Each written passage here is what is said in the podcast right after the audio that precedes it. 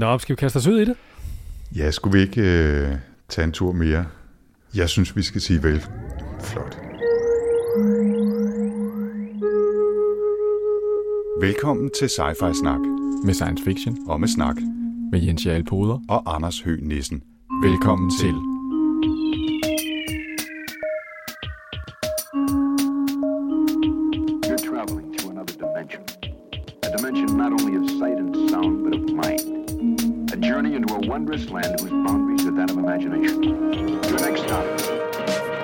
Sci-Fi Snak. Skal vi sige velkommen til Cypher Snak, Anders? Ja, vi prøver lige igen for anden gang at sige velkommen til Sci-Fi Snak. Det er episode 55, og det er den, der handler om Carl Sagans Contact. Og det er jo en bog, Yes. yes. du har valgt, Jens. Ja, det er det faktisk. Mm. En klassiker. Altså, jeg, øh, jeg, jeg har jo øh, øh, glade minder om alt fra 90'erne, fordi at, øh, det var dengang, at, øh, at jeg var ung. Der hørte vi øh, Nirvana og gik i skovmandskjort, og så så vi øh, Contact i 1997, filmen altså. Mm. Men jeg har aldrig læst bogen, så nu skulle det være. Ja, jeg synes, det var et, øh, et rigtig godt og spændende valg, fordi det er en af mine absolut yndlings science fiction film, og jeg tror, jeg har set den i hvert fald fire gange. Øh, men havde heller aldrig læst bogen, så jeg synes, det var rigtig, rigtig sjovt at gribe tilbage i. Men altså, ja. Før vi kommer til det, så øh, skal vi jo lige have de sædvanlige segmenter med siden sidst, og se om der er blevet skrevet noget i vores Goodreads-gruppe, og så videre, og så videre. Øh, og jeg kan da lige øh, byde ind selv her i siden sidst bloggen og sige, at jeg personligt ikke har læst noget som helst andet end Contact siden sidst. Øh, jeg har heller ikke rigtig set noget science fiction, faktisk. Jeg har set et par rigtig gode film, men det havde ikke noget med science fiction at gøre. Har du overhovedet levet siden sidst? Det, det tror jeg godt, jeg kan sige. Jeg kan komme med en filmanbefaling, som ikke har noget som helst med science fiction at gøre, men måske en lille smule med fantasy at gøre, på en eller anden måde. Okay. Nemlig den svenske film, der hedder Grænse. Har du set den? Nej. Den er godt nok vild. Altså, det er en af de bedste film, jeg har set, i hvert fald i år. Øh, jeg vil ikke sige meget mere om den, og man skal også passe på med at læse for meget om den. Man skal virkelig bare gå ind og se den. Okay. Mm. Du har ikke været inde og se uh, Rumrejser 2001 i IMAX? Jeg overvejede det faktisk, men øh, det er ikke så længe siden, at jeg så den. Lånte den på 4K og så den. Så jeg, jeg følte lidt, at jeg havde fået dækket mit øh, 2001-behov, sådan lige de næste, de næste par måneder. Altså jeg er nok heller ikke, altså jeg, jeg tilhører ikke den der kult af folk, der bare er sådan lidt, der er film, og så er der denne film. Altså der er nogen, der virkelig er altså sådan helt højspændte omkring Rumrejser 2001. Er det, Det er jeg ikke. Nej, det, altså jeg kan rigtig godt lide den, øhm, men, men det er mere en, øh, en intellektuel glæde, jeg har, end en, sådan en mavefornemmelsesglæde, hvis du forstår, Mm. hvad jeg mener. Så, Ja. øh, så det er i, mere en, jeg sætter på for at nyde den som filmhistorisk mesterværk, en, en sådan en uh, feel-good øh, oplevelses øh, hyggefilm. Nå, du sætter den ikke på som en feel-good film. Chok. Ah, men, der er, jo- men der er jo masser, altså omvendt må man sige, at der er jo så mange quotable moments i, ikke? Øhm, Ja, ja. Så, så på den måde, så, så lever den alligevel. Ikke? Mhm. Har du øh, sci-fi'et den siden sidst? Nej, altså det må jeg også indrømme. Jeg har heller ikke noget... Nu er det så heller ikke... Altså den her optagelse er jo ikke forfærdeligt længe efter, vi lavede den sidste. Men øh, jeg kunne godt lige tænke mig at give et plug til øh, vores... Øh, eller ikke vores. Det er ikke vores overhovedet. Det er en, en, en podcast, der hedder Supersnak, som bliver lavet af Morten Søndergaard, øh, Marvel Morten, og en gut, der hedder Kim Skov, også bedre kendt som Kim Helt. Øh, de lavede øh, for nylig en helt vildt fed intro til Doctor Who-serien. Og jeg er jo en af de der Doctor Who-jomfruer. Mm. Det vil sige, jeg har aldrig sådan... Jo, jeg så engang noget på Sky Channel øh, en gang i 80'erne. Øh, der var det sådan en gut med noget stort krøllet hår og et langt halsterklæde. Men jeg har på fornemmelsen, at kvaliteten er blevet bedre. Fordi at folk de raver jo over den serie som helt vanvittigt. Øh, og jeg kan også godt lide David Tennant, øh, som jo har spillet den gode doktor. Øhm, så nu har jeg fået lidt blod på tanden, og, og hvis man har lyst til, og hvis man har det ligesom jeg, tænker, ah, det er Dr. Who der, jeg burde gøre noget ved det, så vil jeg altså varmt anbefale at lytte den podcast der, for der er både intro til forklaringer af alle de forskellige Dr. Who-versioner, og hvor gode tips til startafsnit og alt muligt. Og så er det jo faktisk interessant, at den lyd, hvis man nu, nu nævner vi lige kontaktfilmen igen, ikke? Mm. der er jo sådan en lyd af de der primtal. Den der, som, som de siger, når, når, de, øh, når de sender. Det er sådan meget øh, næsten laseragtig lyd. Det er faktisk en lyd, som er en øh, lydbearbejdet version af den lyd, som TARDIS, altså Dr. Who's fartøj der, siger, når det bremser. Okay. Så der er sådan en lille reference til Dr. Who. Okay. Alt hænger sammen. Kan jeg bare godt sige, at øh, jeg vil gerne have lyden af Jens Poder, der siger som en TARDIS, der siger som et øh, primtal modtaget på et radioteleskop som en ringetone. Men den lyd har du nu. Men det har jeg nemlig, ja. Selv sagt. Mm-hmm. well played, sir. Well played. øhm, Nå. Men så Dr. Who, men det er jo altså, hvis man virkelig vil gå all in på den, så, så skal man jo tage sabbat i tre måneder. Ja, men jeg har, altså der, der er tips til, hvor man skal starte. I okay. virkeligheden så er de øh, lidt øh, for, at man starter med den øh, sæson med ham, der hedder Matt Haig, tror jeg han hedder. Mm-hmm. Øhm, simpelthen bare samler den op derfra. Og så kan man altid dykke ind andre steder, lige præcis hvor man vil, nærmest. Ja. Det, det virker meget, øh, jeg synes det virker lovende. Okay. Jamen, øh, det glæder mig til at høre med til. Ja. Og så øh, er der også sket lidt i vores øh, Goodreads-gruppe. Ja, vi har fået nogle gode forslag til bøger. Øh, blandt andet Søren Bjørn, som, øh, som foreslår, at vi læser Gene Wolfes Book of the New Sun. Og det må jeg indrømme, øh, det synes jeg faktisk var et meget godt til, øh, forslag. Det ser sgu spændende ud. Det viser, at jeg allerede havde det på min øh, Goodreads øh, to-read-liste i forvejen, men bare havde glemt alt om den. Men den har sådan lidt, øh, det er sådan en lidt, øh, du ved, det er sådan noget science fiction, der er så langt ude i fremtiden, at det er blevet sådan lidt sane fantasy-agtigt også. Okay. Der er sådan lidt sådan en, øh, hvad hedder det, N.K. Jemisin øh, vibe omkring det. Ja. Og øh, da jeg fik den vibe, så blev jeg jo interesseret, for det er nogle N.K. Jemisin. Det kan jeg godt lide. Ja, det var, en, øh, det var sgu en god øh, trilogi. Øh, Hvis man ikke kan huske den, så er det den serie, der hedder Broken Earth, og øh, som basalt set øh, handler om nogle mennesker, som i en fjern fremtid har fået en evne til at kunne øh, opdage og i en vis grad kontrollere geologiske aktiviteter, vulkanudbrud, jordskælv og den slags ting. Øh, og så går det rimelig meget amok derfra, ikke? Øhm, ja, hvad var det, jeg vil sige? Ja, øh, Søren Bjørn har også øh, til, øh, foreslået en bog, der hedder Roadside Picnic, som så er sådan en gammel science fiction bog af nogen, der hedder Strugatsky-brødrene. Øh, det er vist sådan en øh, First Contact-bog, men hvis du forestillede dig, at First Contact-historien lidt er sådan en, vi går ind i et område og finder gammel skrammel fra et sted, hvor der har været nogle aliens, der styrter ned. Sådan en scrapper øh, historie. Det lød meget mærkeligt, men sådan er det jo tit med noget af det der fra 20'erne, der, der, der tænker man, okay, det er helt ud af en tangent. Jeg har aldrig hørt om det, men det lyder meget spændende. Ja. Det er heller ikke øh, noget, jeg har stødt på, men, øh, men jeg er frisk på at gribe mm. Tilbage i historien på et eller andet tidspunkt, men jeg kan sige, at jeg faktisk har valgt allerede, hvad det er for en bog, vi skal læse til næste gang, og det er ikke noget af det, der er blevet nævnt her, så det må blive ved en senere lejlighed.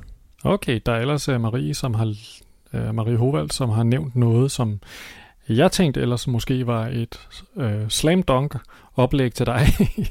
Mm. uh, fordi så vidt jeg husker, så er den her Silo-trilogi af Hugh Howey, som hun anbefaler, den har du da nævnt for mig flere gange. Som Det har jeg. Tror, jeg, jeg tror også, det er en, en trilogi i fem øh, afdelinger. Jeg tror, jeg tror faktisk, der er kommet flere end de oprindelige tre. Okay. Men, øh, men ja, men, øh, men den har jeg jo læst. Jeg kunne godt tænke mig at prøve at læse noget, jeg ikke har læst. Men altså, Ja. og nu, jeg kan også se, at hun har skrevet øh, Vandermeer øh, Annihilation trilogien Ja. på. Øh, den havde du læst noget af, Ja, jeg, har eller? læ- jeg har læst etteren, men følte ikke voldsomt trang til at læse, læse flere af dem. Og så noget, der hedder Martha Wells Murderbot Diaries, det fik jeg ikke lige tjekket op på, hvad var for Mm. noget. Nå, Det lyder meget interessant Det også. må, vi, det må vi tjekke. Jeg synes, det der Hugh Howey lyder meget interessant, så ja, det kunne være, jeg, jeg skal, jo jeg skal foreslå lide, det så. Jeg kan meget godt lide Hugh Howey. Uh, han har skrevet nogle ret forskellige slags bøger. Altså, der er både den der Silo-trilogi, som er sådan en fremtid, hvor uh, der har været en eller anden form for katastrofe, og hele menneskeheden er rykket ned i sådan nogle gamle missilsiloer, hvor de har indrettet et helt alternativt samfund. Og så har han skrevet sådan nærmest en romantisk uh, science fiction ting i sådan en meget nær fremtid, og han har også skrevet en sådan en krimiserie med en cyborg i, i hovedrollen som detektiven, så vidt jeg husker. Sådan, altså, han, er, han er rimelig meget rundt i, i de forskellige undergenre, må man sige. Mm. Øh. Altså, Marie var jo meget begejstret, kan jeg huske på Twitter, for hele, hvad hedder det, Nine Fox uh, Gambit øh, serien. Mm. Så hun har åbenbart pissegod smag, så det var der værd at kigge på. ja, og jeg kan bare lige sige helt parentetisk med Vandermeer, øh, det er et af hullerne i min øh, læsning, men jeg har hørt en lille fugl synge om, at den gode Jeff Vandermeer måske kommer til Danmark til næste år.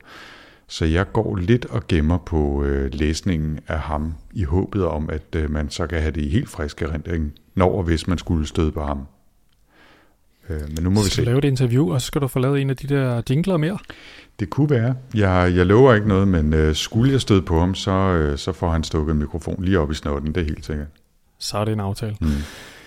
Nå, kontakt, Anders. Skal ja, vi i gang med det? det skal vi. Vil du, øh, vil du sætte, om, øh, sætte lidt op her? Ja, det kan jeg godt. Altså man kan sige, Carl Sagan øh, var jo en astronom og videnskabsformidler, som jo øh, ja, var især aktiv i starten af 80'erne, øh, og blev sådan lidt en, øh, en øh, national berømthed. Han havde ligesom, jeg ved ikke rigtigt, om man kan kalde det for sådan et uh, Thor Nørretranders moment, da han, øh, da han, blev, øh, han var med til at lave den mest sete øh, hvad hedder det, øh, dokumentarserie nogensinde på amerikansk public service fjernsyn, som hed Cosmos. Øh, det lavede han i starten af 80'erne. Det var, det var kæmpe succes. Så han blev sådan ligesom sådan en, Mr. Science i USA. Hvis man, og så må, han, må jeg bare bryde hvad? ind her og sige, at, øh, at hvis man sådan her i mere moderne tid er stødt på en amerikansk videnskabsfamilie, øh, sort fyr, der hedder Neil deGrasse Tyson, så er han, øh, står han meget solidt plantet på skuldrene af Carl Sagan, og har ovenikøbet været med til at lave en ny version af Cosmos, der kom her for to år siden, har jeg lyst til at sige. Så okay. hvis, hvis man kender Neil deGrasse Tyson, og det kunne man sagtens, for han dukker op alle hvide vejen, hvor det handler om amerikansk videnskab eller videnskabsformidling, især med fokus på rummet osv., jamen så har man fornemmelsen af, hvad Carl Sagan var for en fyr bare for 30 år siden. Hmm. Hmm. Nå, Carl Sagan han var super interesseret i hele det SETI project, altså Search for Extraterrestrial Intelligence. Han var også ligesom en del af miljøet omkring det. Og det her, det er i virkeligheden hans uh, What If-bog. Så øh, bogen bygger jo på den her fascination af, af, af, hvad hedder det, hele den her tanke om, hvad nu hvis aliensene begynder at sende noget til os? Øh, hvad vil der ske? Og hvordan vil det udfolde sig, når vi får kontakt? Deraf bogens navn. Mm. Øh, og så, så udfolder hele historien, så vi har jo øh, vores hovedperson, Ellie Arroway, er en, øh, en pige med ben i næsen, der, hvad hedder det, øh, kvinde med ben i næsen, som jo, øh, som jo holder stedet fast i sin, øh, i sin drøm om at, at opnå det her fantastiske resultat, som det vil være at få kontakt til en anden civilisation. Og hvad hedder det?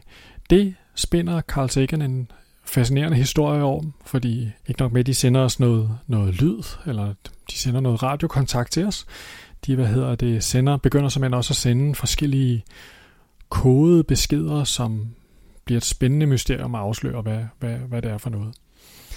Og det hele foregår jo i sådan et videnskabsmiljø og politisk miljø.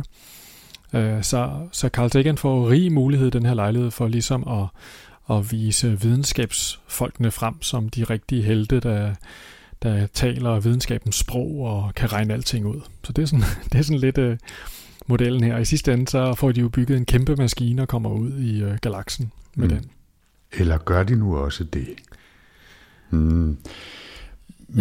ja, men, men øh, et par kommentarer her. Ikke? Altså, øh, det er den grundlæggende historie. Vi har allerede spoilet, øh, men altså, der er nok mange, der har set filmen alligevel øh, og, og kender den grundlæggende historie, og uanset hvad, så er det jo altså prisen, man betaler for at lytte til sci snak, det er, at øh, man får spoilet nogle ting, så hvis man gerne vil være med og høre vores vurdering, så er det nok en god idé at slukke nu og gå ud og læse bogen, og så vende tilbage og lytte, når man selv er, er kommet igennem. Ikke? Men den grundlæggende opbygning er, som du siger, vi, vi møder Ellie Arroway, vi hører noget om hendes opvækst og hendes liv, og om hendes lange arbejde med at øh, opbygge og udbygge radioteleskopisk overvågning af signaler, radiosignaler ude fra verdensrummet, og, øh, og høre om, at hun endelig får opsnappet et signal som lyder som om det kunne være noget andet og mere end, end bare støj.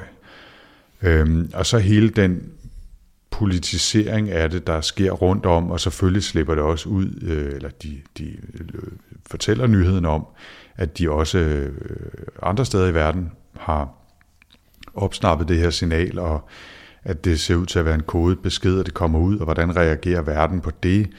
Øh, der er et politisk spil omkring det. Der er også en masse snak med religiøse kræfter, især i USA, om hvordan det her nu skal tolkes. Er det, et, øh, er det et signal fra Gud, eller er det et signal fra djævlen, og hvordan forholder Ellie sig til spørgsmålet mellem videnskab og religion i den her sammenhæng. Ikke? Øhm, så får de afkodet signalet og går i gang med at bygge en maskine, som de ikke ved, hvad skal, men de går i gang med at bygge den alligevel. Og noget af det interessante her er, at, øhm, at vi følger projektet her over en årrække, og vi starter tilbage i sådan midt-80'erne-agtigt, ikke?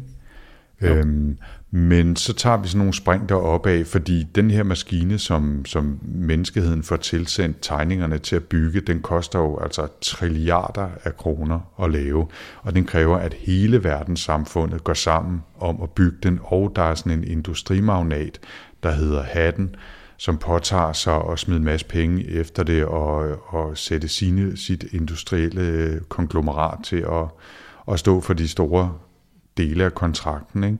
Øhm, men så er der sådan lidt sådan et, hvad hedder sådan noget, old history, ja, det er det jo så ikke rigtigt, fordi det er fremtid, men altså, vi, vi, vi følger, hvordan verden udvikler sig under påvirkning af at have fået det her signal, så så det politiske og miljø og, og samfundet, verdenssamfundet udvikler sig anderledes, end det ellers ville have gjort, der, øh, både end vi har oplevet, og sikkert også ellers øh, anderledes end Carl Sagan ellers ville have forestillet sig, at det gjorde under påvirkning af, at vi har modtaget det her signal. Ikke? Ja, fordi, altså, fordi vi, vi plejer jo nogle gange at snakke om at sige, hvad er det for en verden, det foregår i?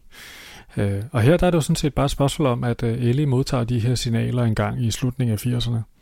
Og så kører historien sådan set bare derfra frem, ikke? Så, øh, så i, øh, i Contact, der findes der stadigvæk et øh, Sovjetunionen, og en stor del af forestillingen om, om det her politiske spil, det handler jo ligesom, det, det er sådan noget koldkrigs, øh, koldkrigspolitik, ikke? Altså i det øjeblik, at, at Ellie modtager det her, hun modtager jo, hvad hedder det, et signal fra Vega, og det hun opdager, det er, hey, det er nogle sekvenser, det er sådan nogle pulser, øh, der, hvad hedder det, der, der afspiller, og de er i primtal. Og så, hvad hedder det, for at få hele signalet, fordi Vega, øh, det kommer fra, fra himlen, ikke? Så, så lige pludselig drejer jorden jo, eller jorden drejer jo, og så for at få hele signalet, jamen så bliver hun jo nødt til at få gang i Australierne og Sovjetunionen, og, så de kan få så meget som muligt af det her signal. Øh, og hele den her udfordring skaber jo ligesom et behov for, at alle videnskabsmænd, de bare arbejder sammen. Øh, fordi der er ikke nogen, der ligesom kan, der alene kan løse hele den her opgave. Men hvis man er øh, sikkerhedsrådgiver, og det er jo en af de centrale øh, karakterer i den her bog, det er Michael Kitts, den onde sikkerhedsrådgiver. Jeg ved ikke, om han er ond. Han er i hvert fald et asshole. Mm-hmm. Øh, han bliver også spillet af James Woods i, øh, i filmen, som gør det Og så ved man, han er et asshole. som asshole. Ikke? Han er jo, ja. det er jo nærmest født til at spille. Ja. Men, men de gør det selvfølgelig til sådan lidt, ja, men øh, hvad nu hvis der er et våben i det, og hvad nu hvis russerne får øh, et nyt øh, alien-våben, og kan det også være begyndelsen på en invasion, og sådan. Alle de der ting, som, som øh, Ellie jo slet ikke overvejer, fordi hun tænker, at altså hun er bare enormt optimistisk omkring det hele, og samtidig er hun også lidt, jamen hvis de kan sende det her til os, det her signal ud fra Vega med så stor kraft, og de kan alle de her ting, som de kan, ja, så øh, i løbet af de næste 25 år, som det vil tage øh, dem at komme fra Vega og hertil, øh, ja, der kan vi alligevel ikke nå at gøre noget ved det, så vi kan lige så godt tro på det bedste. Mm. De der videnskabsmænd, de er meget sådan optaget af al den viden, de kan få, og ikke særlig optaget af de realpolitiske konsekvenser af det.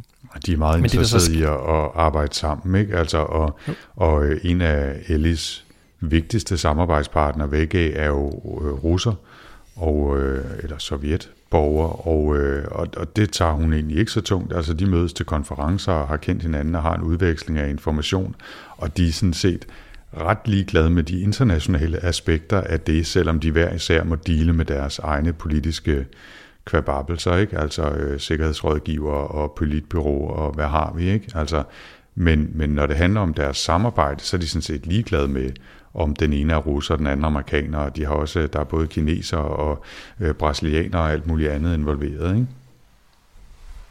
Men det, er jo, men det sætter også alligevel en ramme for, hvad man kan, ikke? Fordi det bliver jo på et tidspunkt et spørgsmål om, hvem der skal afsted med denne her, øh, med det her, den her maskine, som formodentlig kan sende nogle, nogle mennesker afsted ud i universet, eller hvad, hvad der nu kommer til at ske. De skal udvælge nogen, der skal sidde i den her rumkapsel. Og øh, i modsætning til i filmen, hvor det kun er Ellie, der kommer afsted, så i den her, der skal du udvælges fem. Øh, og der bliver der jo et issue, det her med det politiske og, øh, og evnen til ligesom at kunne begå sig. Ellie er jo ikke nødvendigvis verdens mest øh, ukontroversielle person.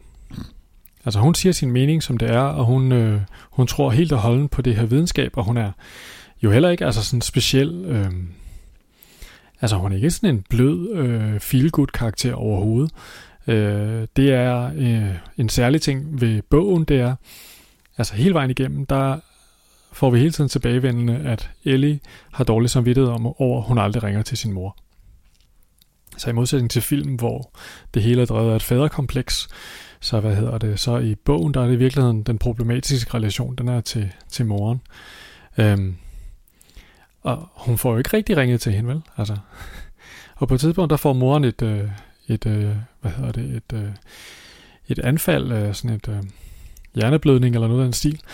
Øh, og så lige pludselig, så kan hun godt tage sig sammen til at komme forbi, ikke? Men det er fandme ikke særlig tit over de der jeg ved nu 10 ikke, år, hun... Jeg ved nu ikke, om jeg vil sige, at, øh, at bogen bliver drevet af, af forholdet til hendes mor. Jeg synes stadigvæk, Nej, nej, det er forholdet siger- til... Ah, okay, det er stadigvæk forholdet til hendes far, der er, der er helt centralt her, ikke? Jo, men i Øhm. virkeligheden er bogen jo ikke lige så... Altså, det, filmen har det der, at hele grunden til, at Ellie, hun overhovedet interesserer sig for det her, det er drevet af hendes far.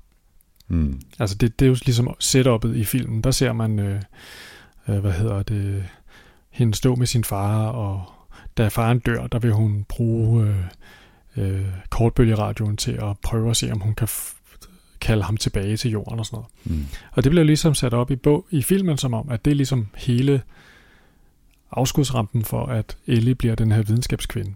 Men sådan er det ikke i bogen. Og det synes jeg faktisk er en mega fed ting.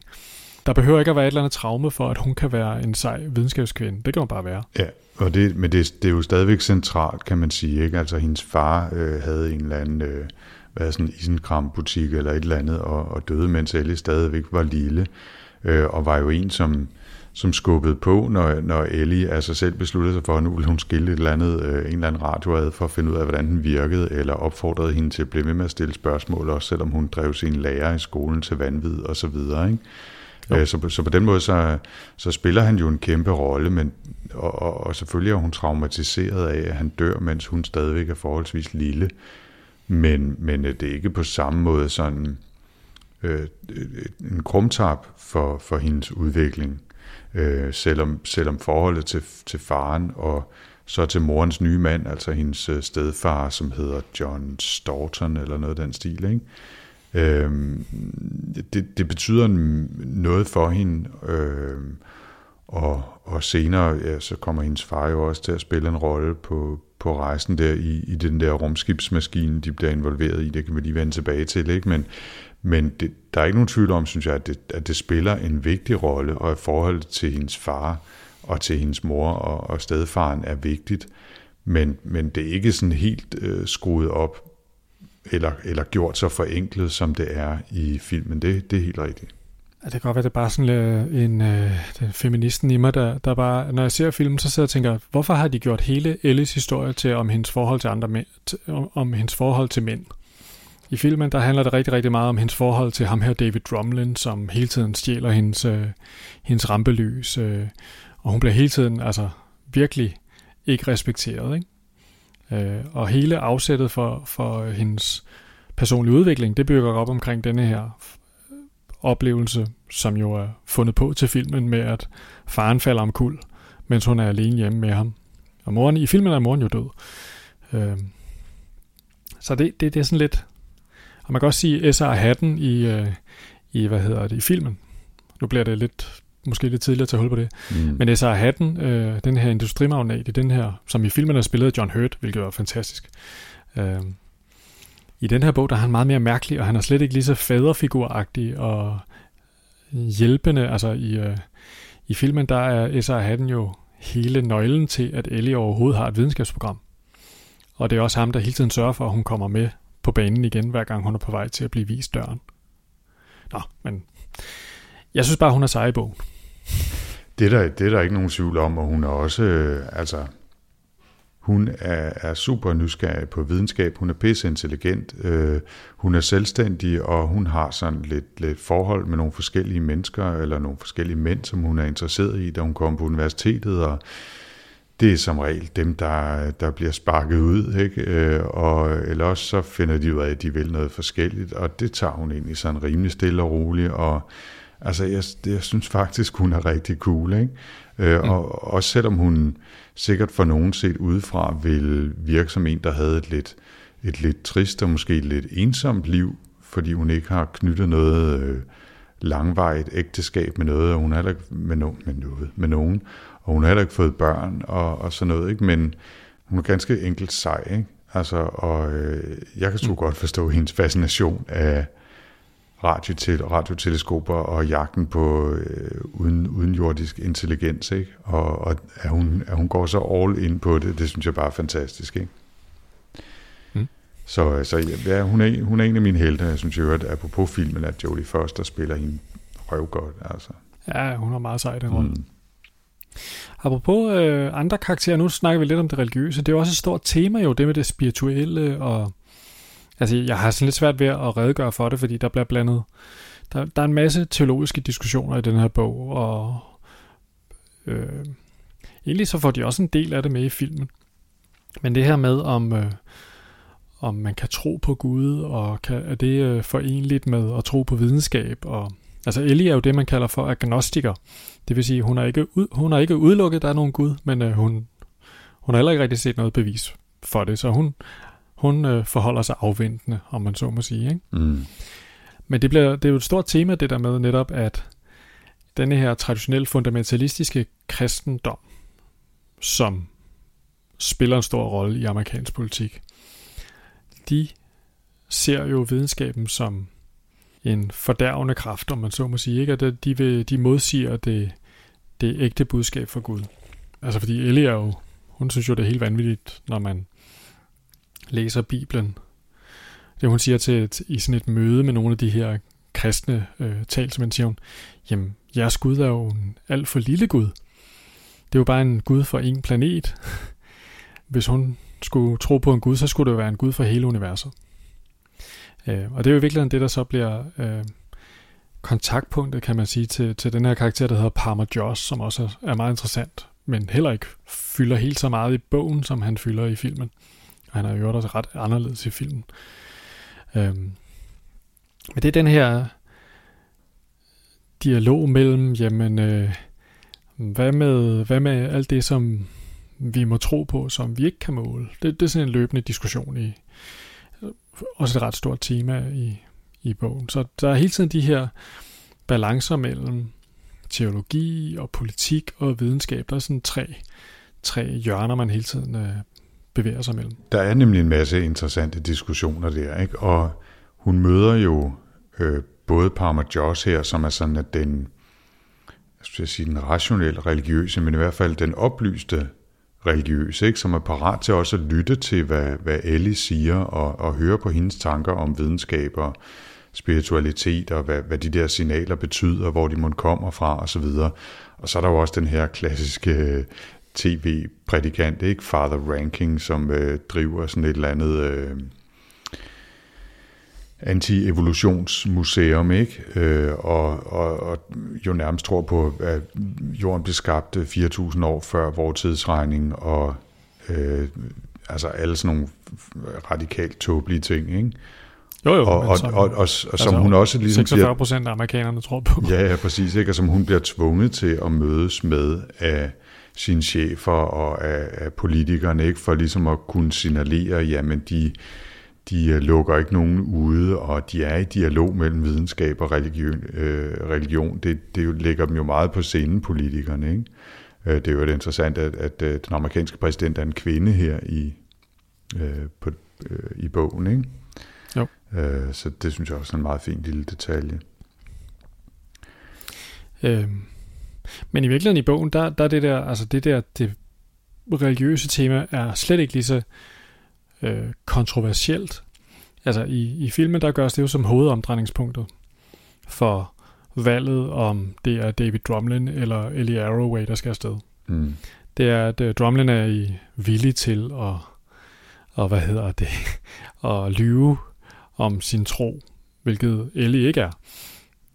Um, og, en, og en anden interessant ting, jo, undskyld jeg, hvis jeg afbrød, men en anden interessant ting omkring religion, det er jo også, at, at da de modtager signalet, og de, og de sender nyheden ud om, at de har modtaget et signal fra, fra Vega, og at det øh, med meget stor sandsynlighed stammer fra, fra udenjordiske intelligensvæsener, øh, så, så bliver basen, hvor, hvor de her radioteleskoper er, bliver jo omgivet af alskens crackpots, ikke? Øh, der opstår jo øh, spontant UFO-religioner af enhver karakter, og gamle religioner opfinder lige pludselig, at ja, man stod der ikke også noget om det her i de gamle skrifter, at øh, vi ville blive kontaktet af væsener fra rummet, som måske var Gud eller nogle andre. Altså det er sådan, øh, det bliver jo total øh, Burning Man festival rundt omkring den der øh, øh, base, ikke? Og, øh, og, og det er også, så vidt, noget, så vidt jeg husker, noget, der bliver portrætteret øh, i filmen på en ret underholdende måde. Ikke? Altså, der er rigtig mange ja. mennesker, der render omkring med sådan nogle, øh, sådan nogle UFO, øh, hvad hedder sådan nogle alien øh, øh, klichéer. Noget, noget af det fede ved filmen, det er jo, at mange af de mennesker, der optræder der i sådan noget UFO-tøj øh, og sådan noget, det er faktisk rigtige UFO-troende, som har deres eget UFO-kostymer på, Nå, det og er med i filmen. det er meget sjovt detalje. Men de ser meget festlige ud, når man ser filmen. Ja, det er ret sjovt. Nå, men øh, skal vi lige prøve at skrue hen imod øh, der, hvor tingene for alvor spidser til? Øh, vi, vi tilbringer jo en rumtid med alt det her med overhovedet at få præsenteret Ellie med at få øh, søgt signalet, med at modtage signalet, så er det krypteret, de kan ikke finde ud af, hvad det består af, så får de det endelig afkodet, og de finder ud af, at, øh, at det er altså øh, byggetegningerne til den her maskine, det lykkedes at få stablet verdenssamfundet sammen om at finansiere bygningen ikke bare af en, men af flere maskiner, hvilket er ganske heldigt, fordi en af dem bliver saboteret. Så er det godt, man har en backup. Og, øh, eller to. Eller to, ja. Og øh, det, det bliver så den i Japan, de fem udvalgte astronauter skal, eller astronauter siger jeg, men øh, øh, rejsende, skal ind i, og de ved jo stadigvæk ikke rigtigt, hvad det er, den gør. Den, det er jo sådan, øh, hvad er det, fem øh, 12-kantede former inde i et eller andet stilag, så de ser ud til at kunne dreje i forhold til hinanden, og der er også nogle mærkelige indgraveringer, øh, som, som byggeplanerne har foreskrevet skal være på overfladen af de her. Øh, men der er ikke rigtig nogen, der ved sådan for alvor, hvad der vil ske, hvis man tænder.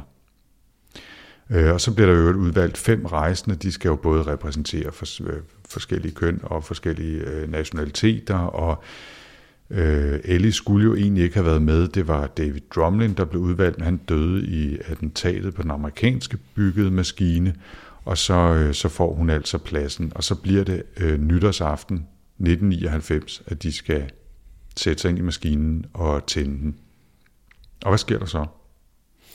Ja, vi får en fantastisk fortælling om øh, en rejse gennem ormehuller på, igennem hele galaksen. I løbet af de næste 18 timer, tror jeg det er, der, hvad hedder det, der kommer Ellie og company, de kommer øh, igennem sådan et helt system af ormehulstunneler øh, og kommer ind til centrum af universet og møder de her øh, super intelligente væsener og har den aller, aller første samtale med, med dem. Ja, må, må jeg lige indsparke, at det er ret cool, da de kommer derind. Det, de kommer ind til, det er jo sådan en, øh, en hovedbanegård. Altså en kæmpe, kæmpe stor konstruktion, hvor der er en lille, øh, en lille station, hvor, hvor deres maskine kan kobles til. Og den er jo bygget, så den passer til mennesker i størrelse og så videre og så videre. Den kan lige kobles til det, og så kan de se rundt omkring på den her kæmpe konstruktion, at der er en hel masse andre tilslutninger, hvor der kan sidde alle mulige andre former af forskellige maskiner. Og, og altså konklusionen må jo være, at de her veganere, øh, som de jo må hedde, øh, aliens, der sender signaler fra Vega, øh, at, at de har bygget denne her konstruktion, fordi de har sendt signaler ud til en hel masse andre forskellige intelligente væsener i universet, som kan blive hentet herop til den her øh, hovedbanegård. Ikke? Jo, jo, og det viser sig jo, at det, det er jo ikke veganere, og de kommer ikke fra Vega. Nej, øh, præcis. Som man jo lærer, når man læser den, så er Vega-systemet kun 200 millioner år gammelt. Mm, det er slet ikke nok til at udvikle intelligent liv. Men okay, men, men de øh, bliver så tilsluttet, og så går de ind i stationen og befinder sig pludselig på en sandstrand med palmer ja. og med, med tyrkis blåt vand, der skyller op over sandet, og det ligner fuldstændig, jeg kan ikke huske, om det er Madagaskar eller Seychellerne eller et eller andet den stil, øh, som, som de er ankommet til midt ude i galaksen. Altså, hele det her, det er jo bare et skuespil for, hvad hedder det, øh, altså det er lavet fuldstændig til ære for dem, ikke? Og hver især, så går de jo igennem på et tidspunkt sådan en dør, der pludselig bare opstår i, i luften, mm. og møder så hver deres alien. Og det er så efter, at de har sovet, så de, har, de her aliens har i mellemtiden lige øh, læst alle deres drømme og lært alt muligt om dem og læst hele deres hukommelse. Så nu kan de simpelthen, øh, nu, nu kan vi få den her scene, hvor Ellie møder sin far, Theodore Arroway, øh, som hun jo med det samme kan gennemskue. Det er selvfølgelig ikke far, der står her. Han er jo død. Øh, men, øh, men det er altså, hvad hedder det, det er altså den måde, de, de hvad hedder det, øh, præsenterer sig over for hende. Og så er det sådan lidt, ja, der får vi nogle forklaringer på, hvordan det i virkeligheden er øh, en el gammel civilisation af, af et, et helt samfund af, af galaktiske øh, intelligence raser, som, som samarbejder omkring det her med at, at udforske og tilpasse galaksen og bearbejde galaksen. Og sådan. Det er sådan rimelig store planer, de har. Uh, de går blandt andet og laver nogle eksperimenter med nogle meget, meget store sorte huller, som de går og bygger lidt på. Uh, og det er selvfølgelig meget overvældende. Og så er det sådan om, at der er ligesom sådan et uh, window of opportunity, som, som er i hele den her, hvad kan man kalde det, uh, muligheden for at lave hul ned til, til jorden. Så de har mod kun ganske kort tid til ligesom at få sagt alt det, der skal siges. Mm. Øhm, og i virkeligheden så er det jo nok fordi, at øh, de er gode til at manipulere med tiden. Så det der var 18 timer for Ellie og company, på jorden opleves det i virkeligheden som om det er et øjeblik. Så da de lander, så øh, er de jo fuldstændig optaget af alt det, de har prøvet, men alle dem, der har været på jorden, de har bare kigget og set den der Dodecahedron, tror jeg det hedder. Mm-hmm. De har bare set den falde ned fra maskinen og lande ned i bunden af maskinen. Og de har slet ikke opdaget, at der er sket noget som helst. Mm. Der bliver det hele så vendt på hovedet. Nu er det lige pludselig ikke øh, de religiøse, der skal overbevise. Nu er det pludselig de her videnskabsmænd, som har haft den her oplevelse, men der, de har intet bevis. Alt det, de har optaget af video, det er slettet, øh, og hele verden, ikke mindst Michael Kitts, sikkerhedsrådgiveren, den store skurk, er jo enormt skeptiske. Men, men Ellie har jo lige så fået, fået det her tip, at der er et hemmeligt sted i Pi, langt, langt nede af de uendelige rækker af tal, som Pi består af, så er der et, et øh, spor, som man kan finde. Og det går Ellie så i gang med at, at, at finde frem til, så hun kan fortælle sin historie. Men, men inden da, som, øh, så øh, Kit her, som du nævner, sikkerhedsrådgiveren, han får konstrueret sådan en, øh, en øh, paranoid konspirationsteori, som handler om, at, øh, at Ellie og de andre i virkeligheden bare har været interesseret i at øh, bedrive virkelig øh, voldsomt og pænt dyrt gæk med verdenssamfundet ved at øh, få dem til at tro, at de har fået signaler ude fra verden med, med tegningerne til den her maskine, og har fået en hel masse mennesker til at omlægge industriel produktion i øh, 15 år, for at, øh, for at bygge de her maskiner med to, altså, kolossale omkostninger til følge. Og det får han ligesom påstået, at jamen, det er nok det, der i virkeligheden har været målet med det her. Og det er jo øh, rasende sindssygt, men, men Ellie kan på en eller anden måde ikke rigtig forsvare sig, fordi hun kan ikke, hun kan ikke fortælle, at hun er 100% sikker på, at det, som hun og de andre har oplevet, også er sket. Fordi alle de her beviser mangler. Hendes videooptagelser er ikke blevet til noget. Øh, der er jo ikke gået noget tid på jorden, osv. osv. Øhm, så, og, og, og så er det så bagefter, ja, at hun kaster sig ud i endnu et kæmpestort projekt, nemlig øh, jagten på de her øh, særlige koder i pi gemt mange millioner milliarder øh, decimaler ned i, i tallet. Nå, i virkeligheden har så Michael Kitts der, han får jo ikke helt øh, magt, som han har agt. Øh, han kunne ellers godt tænke sig at, øh, at kaste dem for hunden, ikke? Øh, men øh, præsident Lasker øh, siger, at øh, ah, nej, sådan skal det ikke gå. Ellie får sit, øh, hun, øh, hun bliver, får ikke lov til at fortsætte som direktør for det her Argus øh, center, hvor de har de her store teleskoper, det var hun også før, ikke? Mm. Øh, stående og lytte efter øh, lyde fra rummet. Men hun får dog et øh, livstids øh, scholarship eller grant, så hun kan bare fortsætte med sin forskning. Og det, det benytter hun jo så til at prøve at finde det her endelige bevis. Mm. Men, men der er, og nu kan jeg simpelthen ikke huske, hvad, hvad detaljen er, men der er jo en eller anden ting, der gør, altså at, at de har været afsted, eller der i hvert fald er sket et eller andet. Jeg kan ikke huske, om der er en lille tidsforskel et eller andet sted i nogle uger, eller hvad pokker det er. Der, der er en eller anden detalje, hun kan hænge sine oplevelser op på. Jeg, jeg kan simpelthen ikke huske, hvad det er, eller så blander jeg det sammen med filmen. Ja, nå, men altså i filmen, der er der jo, øh, der er der på de der kameraer, der er der 18 timers hvid støj optaget. Så de synes, altså så, det er ligesom slutningen i filmscenen, ikke? Det er, mm. at Michael Kidd sidder og snakker med, med præsidentens uh, chief of staff, og så snakker de der og siger, Nå, men uh, jeg har, uh, har du læst ny rapporten? Ja, det har jeg. Nå, men noget af det, der interesserede mig særligt, det var, at uh, der kun var hvid støj på kameraerne. Ja, det var selvfølgelig meget interessant. Ja, det, der var mest interessant, ja. det var jo, at der var 18 timers hvid støj. Ja. Så i løbet af... Det er det, som det fungerer i filmen. I bogen her, der har de, øh, der har de, øh, der er der sand på gulvet i øh, det, den her. Ja, det var en af de ting, ja.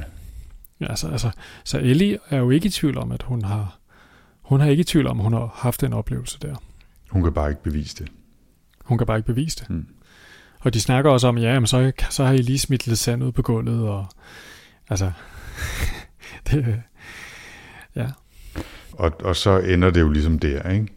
Ja, der er også en, en anden stor afsløring, skal vi måske sige. Altså, den er jo måske mindre central her i bogen, end den ville have været i filmen, hvis de havde genbrugt den på samme måde. Men det viser sig jo faktisk, at manden, som Ellie hele tiden har troet var hendes stedfar, faktisk er hendes rigtige far. Fordi ja. moren havde en affære med ham før, med Theodore Arroway, som Ellie hele tiden har troet var hendes far, døde. Øhm, og det har, det, og hun har jo aldrig haft noget godt forhold til sin stedfar, som så viser sig at være hendes biologiske far. Og, øh, og det er der sådan lidt, øh, lidt, lidt knas om der til sidst også. Ikke? At det er jo selvfølgelig en kæmpe afsløring for hende, som, som også gør, at hun lige må, må tage nogle ting op til overvejelse. Ikke? Men, jo, det er også, ja. altså, det der ligesom er omkring Ellie, det er, at hun, hun opdager jo pludselig, hvor, egentlig, hvor ensom hun er eller hvor, hvor, lidt, hvor lidt relationer hun egentlig nogensinde har skabt i, i virkeligheden. Ikke? Men, men jeg, jeg vil lige, øh, øh nu har vi nævnt øh, hatten et par gange, altså den her industrimagnat, som vælger at bruge en djævsk masse penge på at øh, få bygget de her maskiner, som, øh, som de har fået tegningerne tilsendt af. Øh, og han er altså bare en, en spøjs fyr, som giver anledning til, at Carl Sagan på en eller anden måde, altså jeg tror simpelthen bare, at han har kigget lidt for dybt i, øh, i flasken nogle aftener, han har siddet og skrevet, fordi der er nogle, nogle sære øh, kapitler med nogle sådan fortællinger om, hvordan samfundet udvikler sig, og øh, i, i starten så, øh, så viser det sig, at Hatten, han har, han har nærmest et, øh, Disneyland for voksne, kan man vel nærmest kalde det, ikke? eller altså sådan en blanding af sådan nogle øh, øh, riddertema-restauranter med noget babylonsk tema, med nogle Disneyland-overtoner, og så noget Las Vegas smidt ind over. Det er noget af det, han, han ligesom har sådan noget kørende, ikke? Og man kan også få, man kan også få sådan noget rigtig voksenunderholdning. Ja, det tror jeg på. Og det har han ligesom kørende, når der bliver på et tidspunkt, øh, så, så bliver, det, bliver det angrebet og brændt ned af religiøse fanatikere og alt muligt andet. Men så hører man sådan en anden parallel historie om ham, som er, at den måde, han i virkeligheden har tjent sine penge på, det er ved at lave sådan en adblocker til tv. Ja, det Øh, og, og, sjovt. og det var der, hans øh, formue ligesom blev grundlagt, at han fik lavet sådan en, en lille maskine, man kunne, øh, man kunne koble til sit tv, eller hvad det var, ikke? og så kunne den blokere for reklamerne. Eller I starten var det bare, at den kunne sænke lyden på dem, og så udviklede det sig mere og mere. Og, det var, det var, Ja. og så har han sådan en helt kapitel, hvor han snakker om, hvordan det udviklede sig, og hvad for nogle apparater, der kom senere, og hvad det betød for reklamebranchen osv. Og sådan en tredje øh, vilde parallel omkring hatten, det er, at... Øh, at de, de udvikler rumfart i en, i en grad, så de har sådan lidt øh, rumhoteller ude i omløb omkring jorden. Og så bliver det populært blandt ultrarige, at de simpelthen flytter derud, fordi der er noget forskning, der tyder på, at så kan man leve længere. Og så det sidste, den sidste krølle på den historie, det er, at øh, hatten han beslutter sig simpelthen bare for, at øh, nu kan I andre rende og hoppe. Og så, vil han, øh, så bygger han ligesom et rumskib, der bare skal sendes afsted, hvor jeg, jeg kan ikke engang huske detaljerne i det, og hvad han endelig beslutter sig for, om han bliver øh, frosset ned, eller får uploadet sin hjerne til en computer, eller en kombination af det hele, men det går, altså der er bare sådan en, en tangent til historien med hatten der, som går fuldstændig balalaika, ikke? Jamen, det er nemlig meget sjovt, fordi at øh, hele bogen er egentlig sådan ret øh, altså hard sci-fi-agtig, synes jeg. Men he, alt det her med hatten, han er ligesom som om, at det ligesom er sådan en ventil for Sagan for at skrive de mest mystiske ting. Mm. Altså, han er også en sær karakter, ikke? Altså, Virkelig underligt. Og det er han jo også i filmen, men slet ikke i karakter med, eller i, på niveau, hvad han, hvad han er i bogen. Men. han er det i hvert fald på en anden måde, ikke? Men altså, der er jo også det der...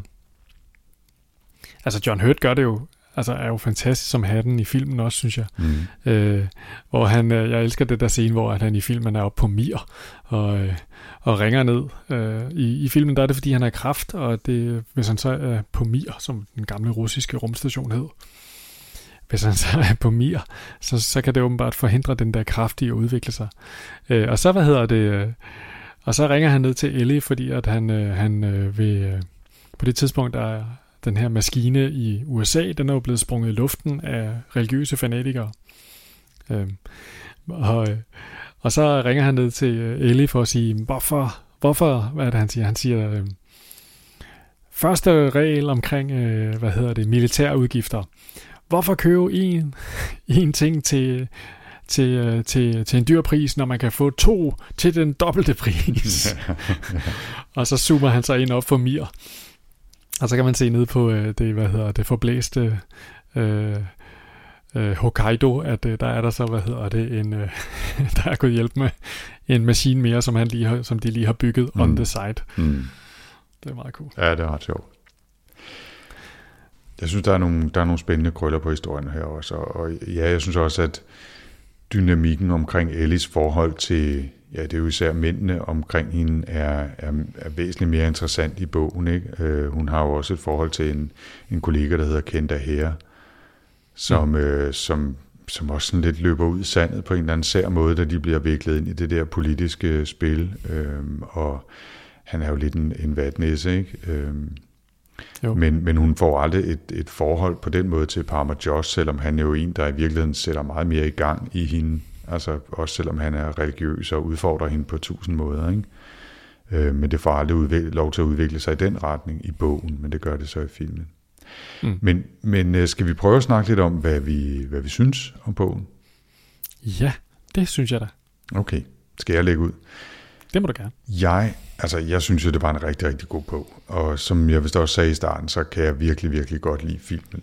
Det kan godt være, at der er huller i den. Det kan godt være, at den er sådan populær og, og øh, lidt kæk nogle gange, men jeg synes virkelig, det er en god historie. Den er skide godt formidlet, og den der dyrkning af jagten på udenjordiske intelligensvæsener, synes jeg bare grundlæggende er fantastisk. Altså, øh, hvad jeg ikke har læst om SETI-projektet, og selv haft min computer til at stå og regne Ja, på radiosignaler i slut 90'erne og alt muligt, det er, det, altså, det, det har virkelig altid fascineret mig. Jeg synes, den er ret tæt på at være hard science, den her. Det kan godt være, den der med maskinen og ormehullerne og sådan noget, så begynder det at være i den spekulative ende, ikke? men hele øh, fasen op til det baserer sig jo rimelig solidt på projekter, der allerede er i gang, og radioteleskoper, og hvordan vil man kunne gemme signaler i radiokommunikation på den måde, og hvordan vil man så gætte det, og, og der er noget logisk tænkning involveret der, som jeg egentlig synes er rigtig fint. Øh, og bogen, ja, det, er vildt, det er vildt fascinerende. Ja, det er, super, det, det er super fascinerende, og det føles lidt nogle gange, som om man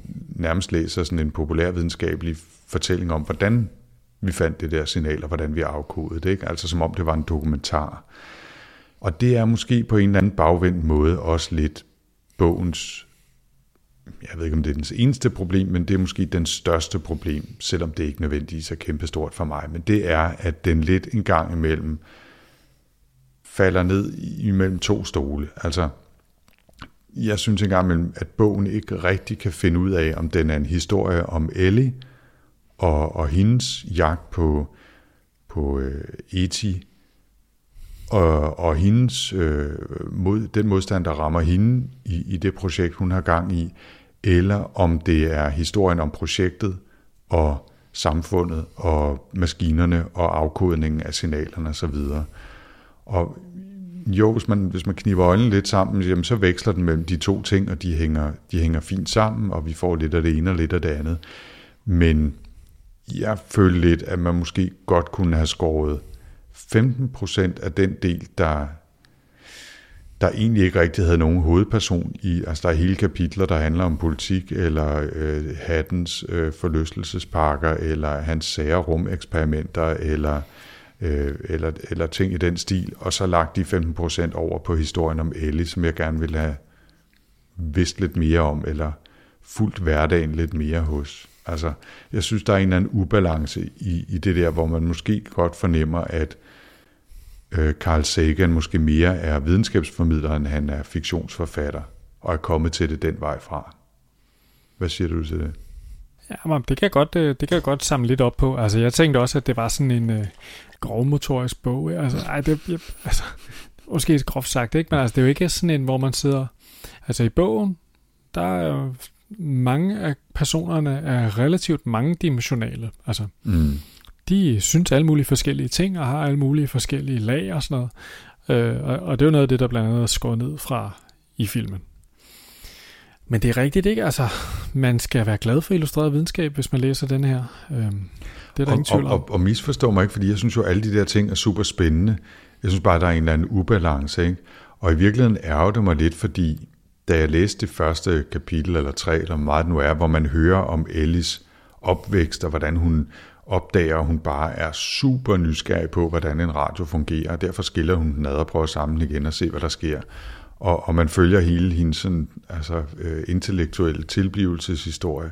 Det synes jeg er super godt skrevet, og jeg, blev, jeg var virkelig revet med i at høre om hendes liv, og hvordan hun opdagede, at hun faktisk var skide dygtig og satte spørgsmålstegn ved alting og udfordrede sine lærer og sådan noget. Jeg elsker sådan nogle historier, ikke? Og jeg synes mm. virkelig, den var godt skrevet. Jeg var helt med, og jeg var fuldstændig parat til at høre om alle mulige ligegyldige detaljer om farven på en skoletaske, eller hvad ved jeg, fordi det var en del af det her hele liv, som vi fik, øh, som vi fik portrætteret. Og det synes jeg sådan mistede meget hurtigt. Altså, så var det ligesom, Nå, nu har vi fået gjort Ellie voksen, hun har startet på det her SETI-projekt, okay, så behøver vi ikke gøre lige så meget ud af at fortælle om hende som menneske, fordi nu har vi ligesom etableret hende, så nu fortæller vi om alt det andet.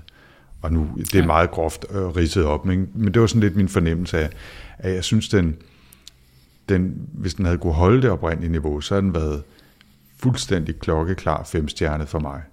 Men som ja. det er, så måtte jeg altså trække den ned på fire, fordi vi mister noget, noget karakterudvikling, noget noget menneskelighed, noget nærvær, noget hverdag til, til fordel for den her større historie om, om signalerne fra det ydre rum og afkodning af dem og bygning af den her maskine osv.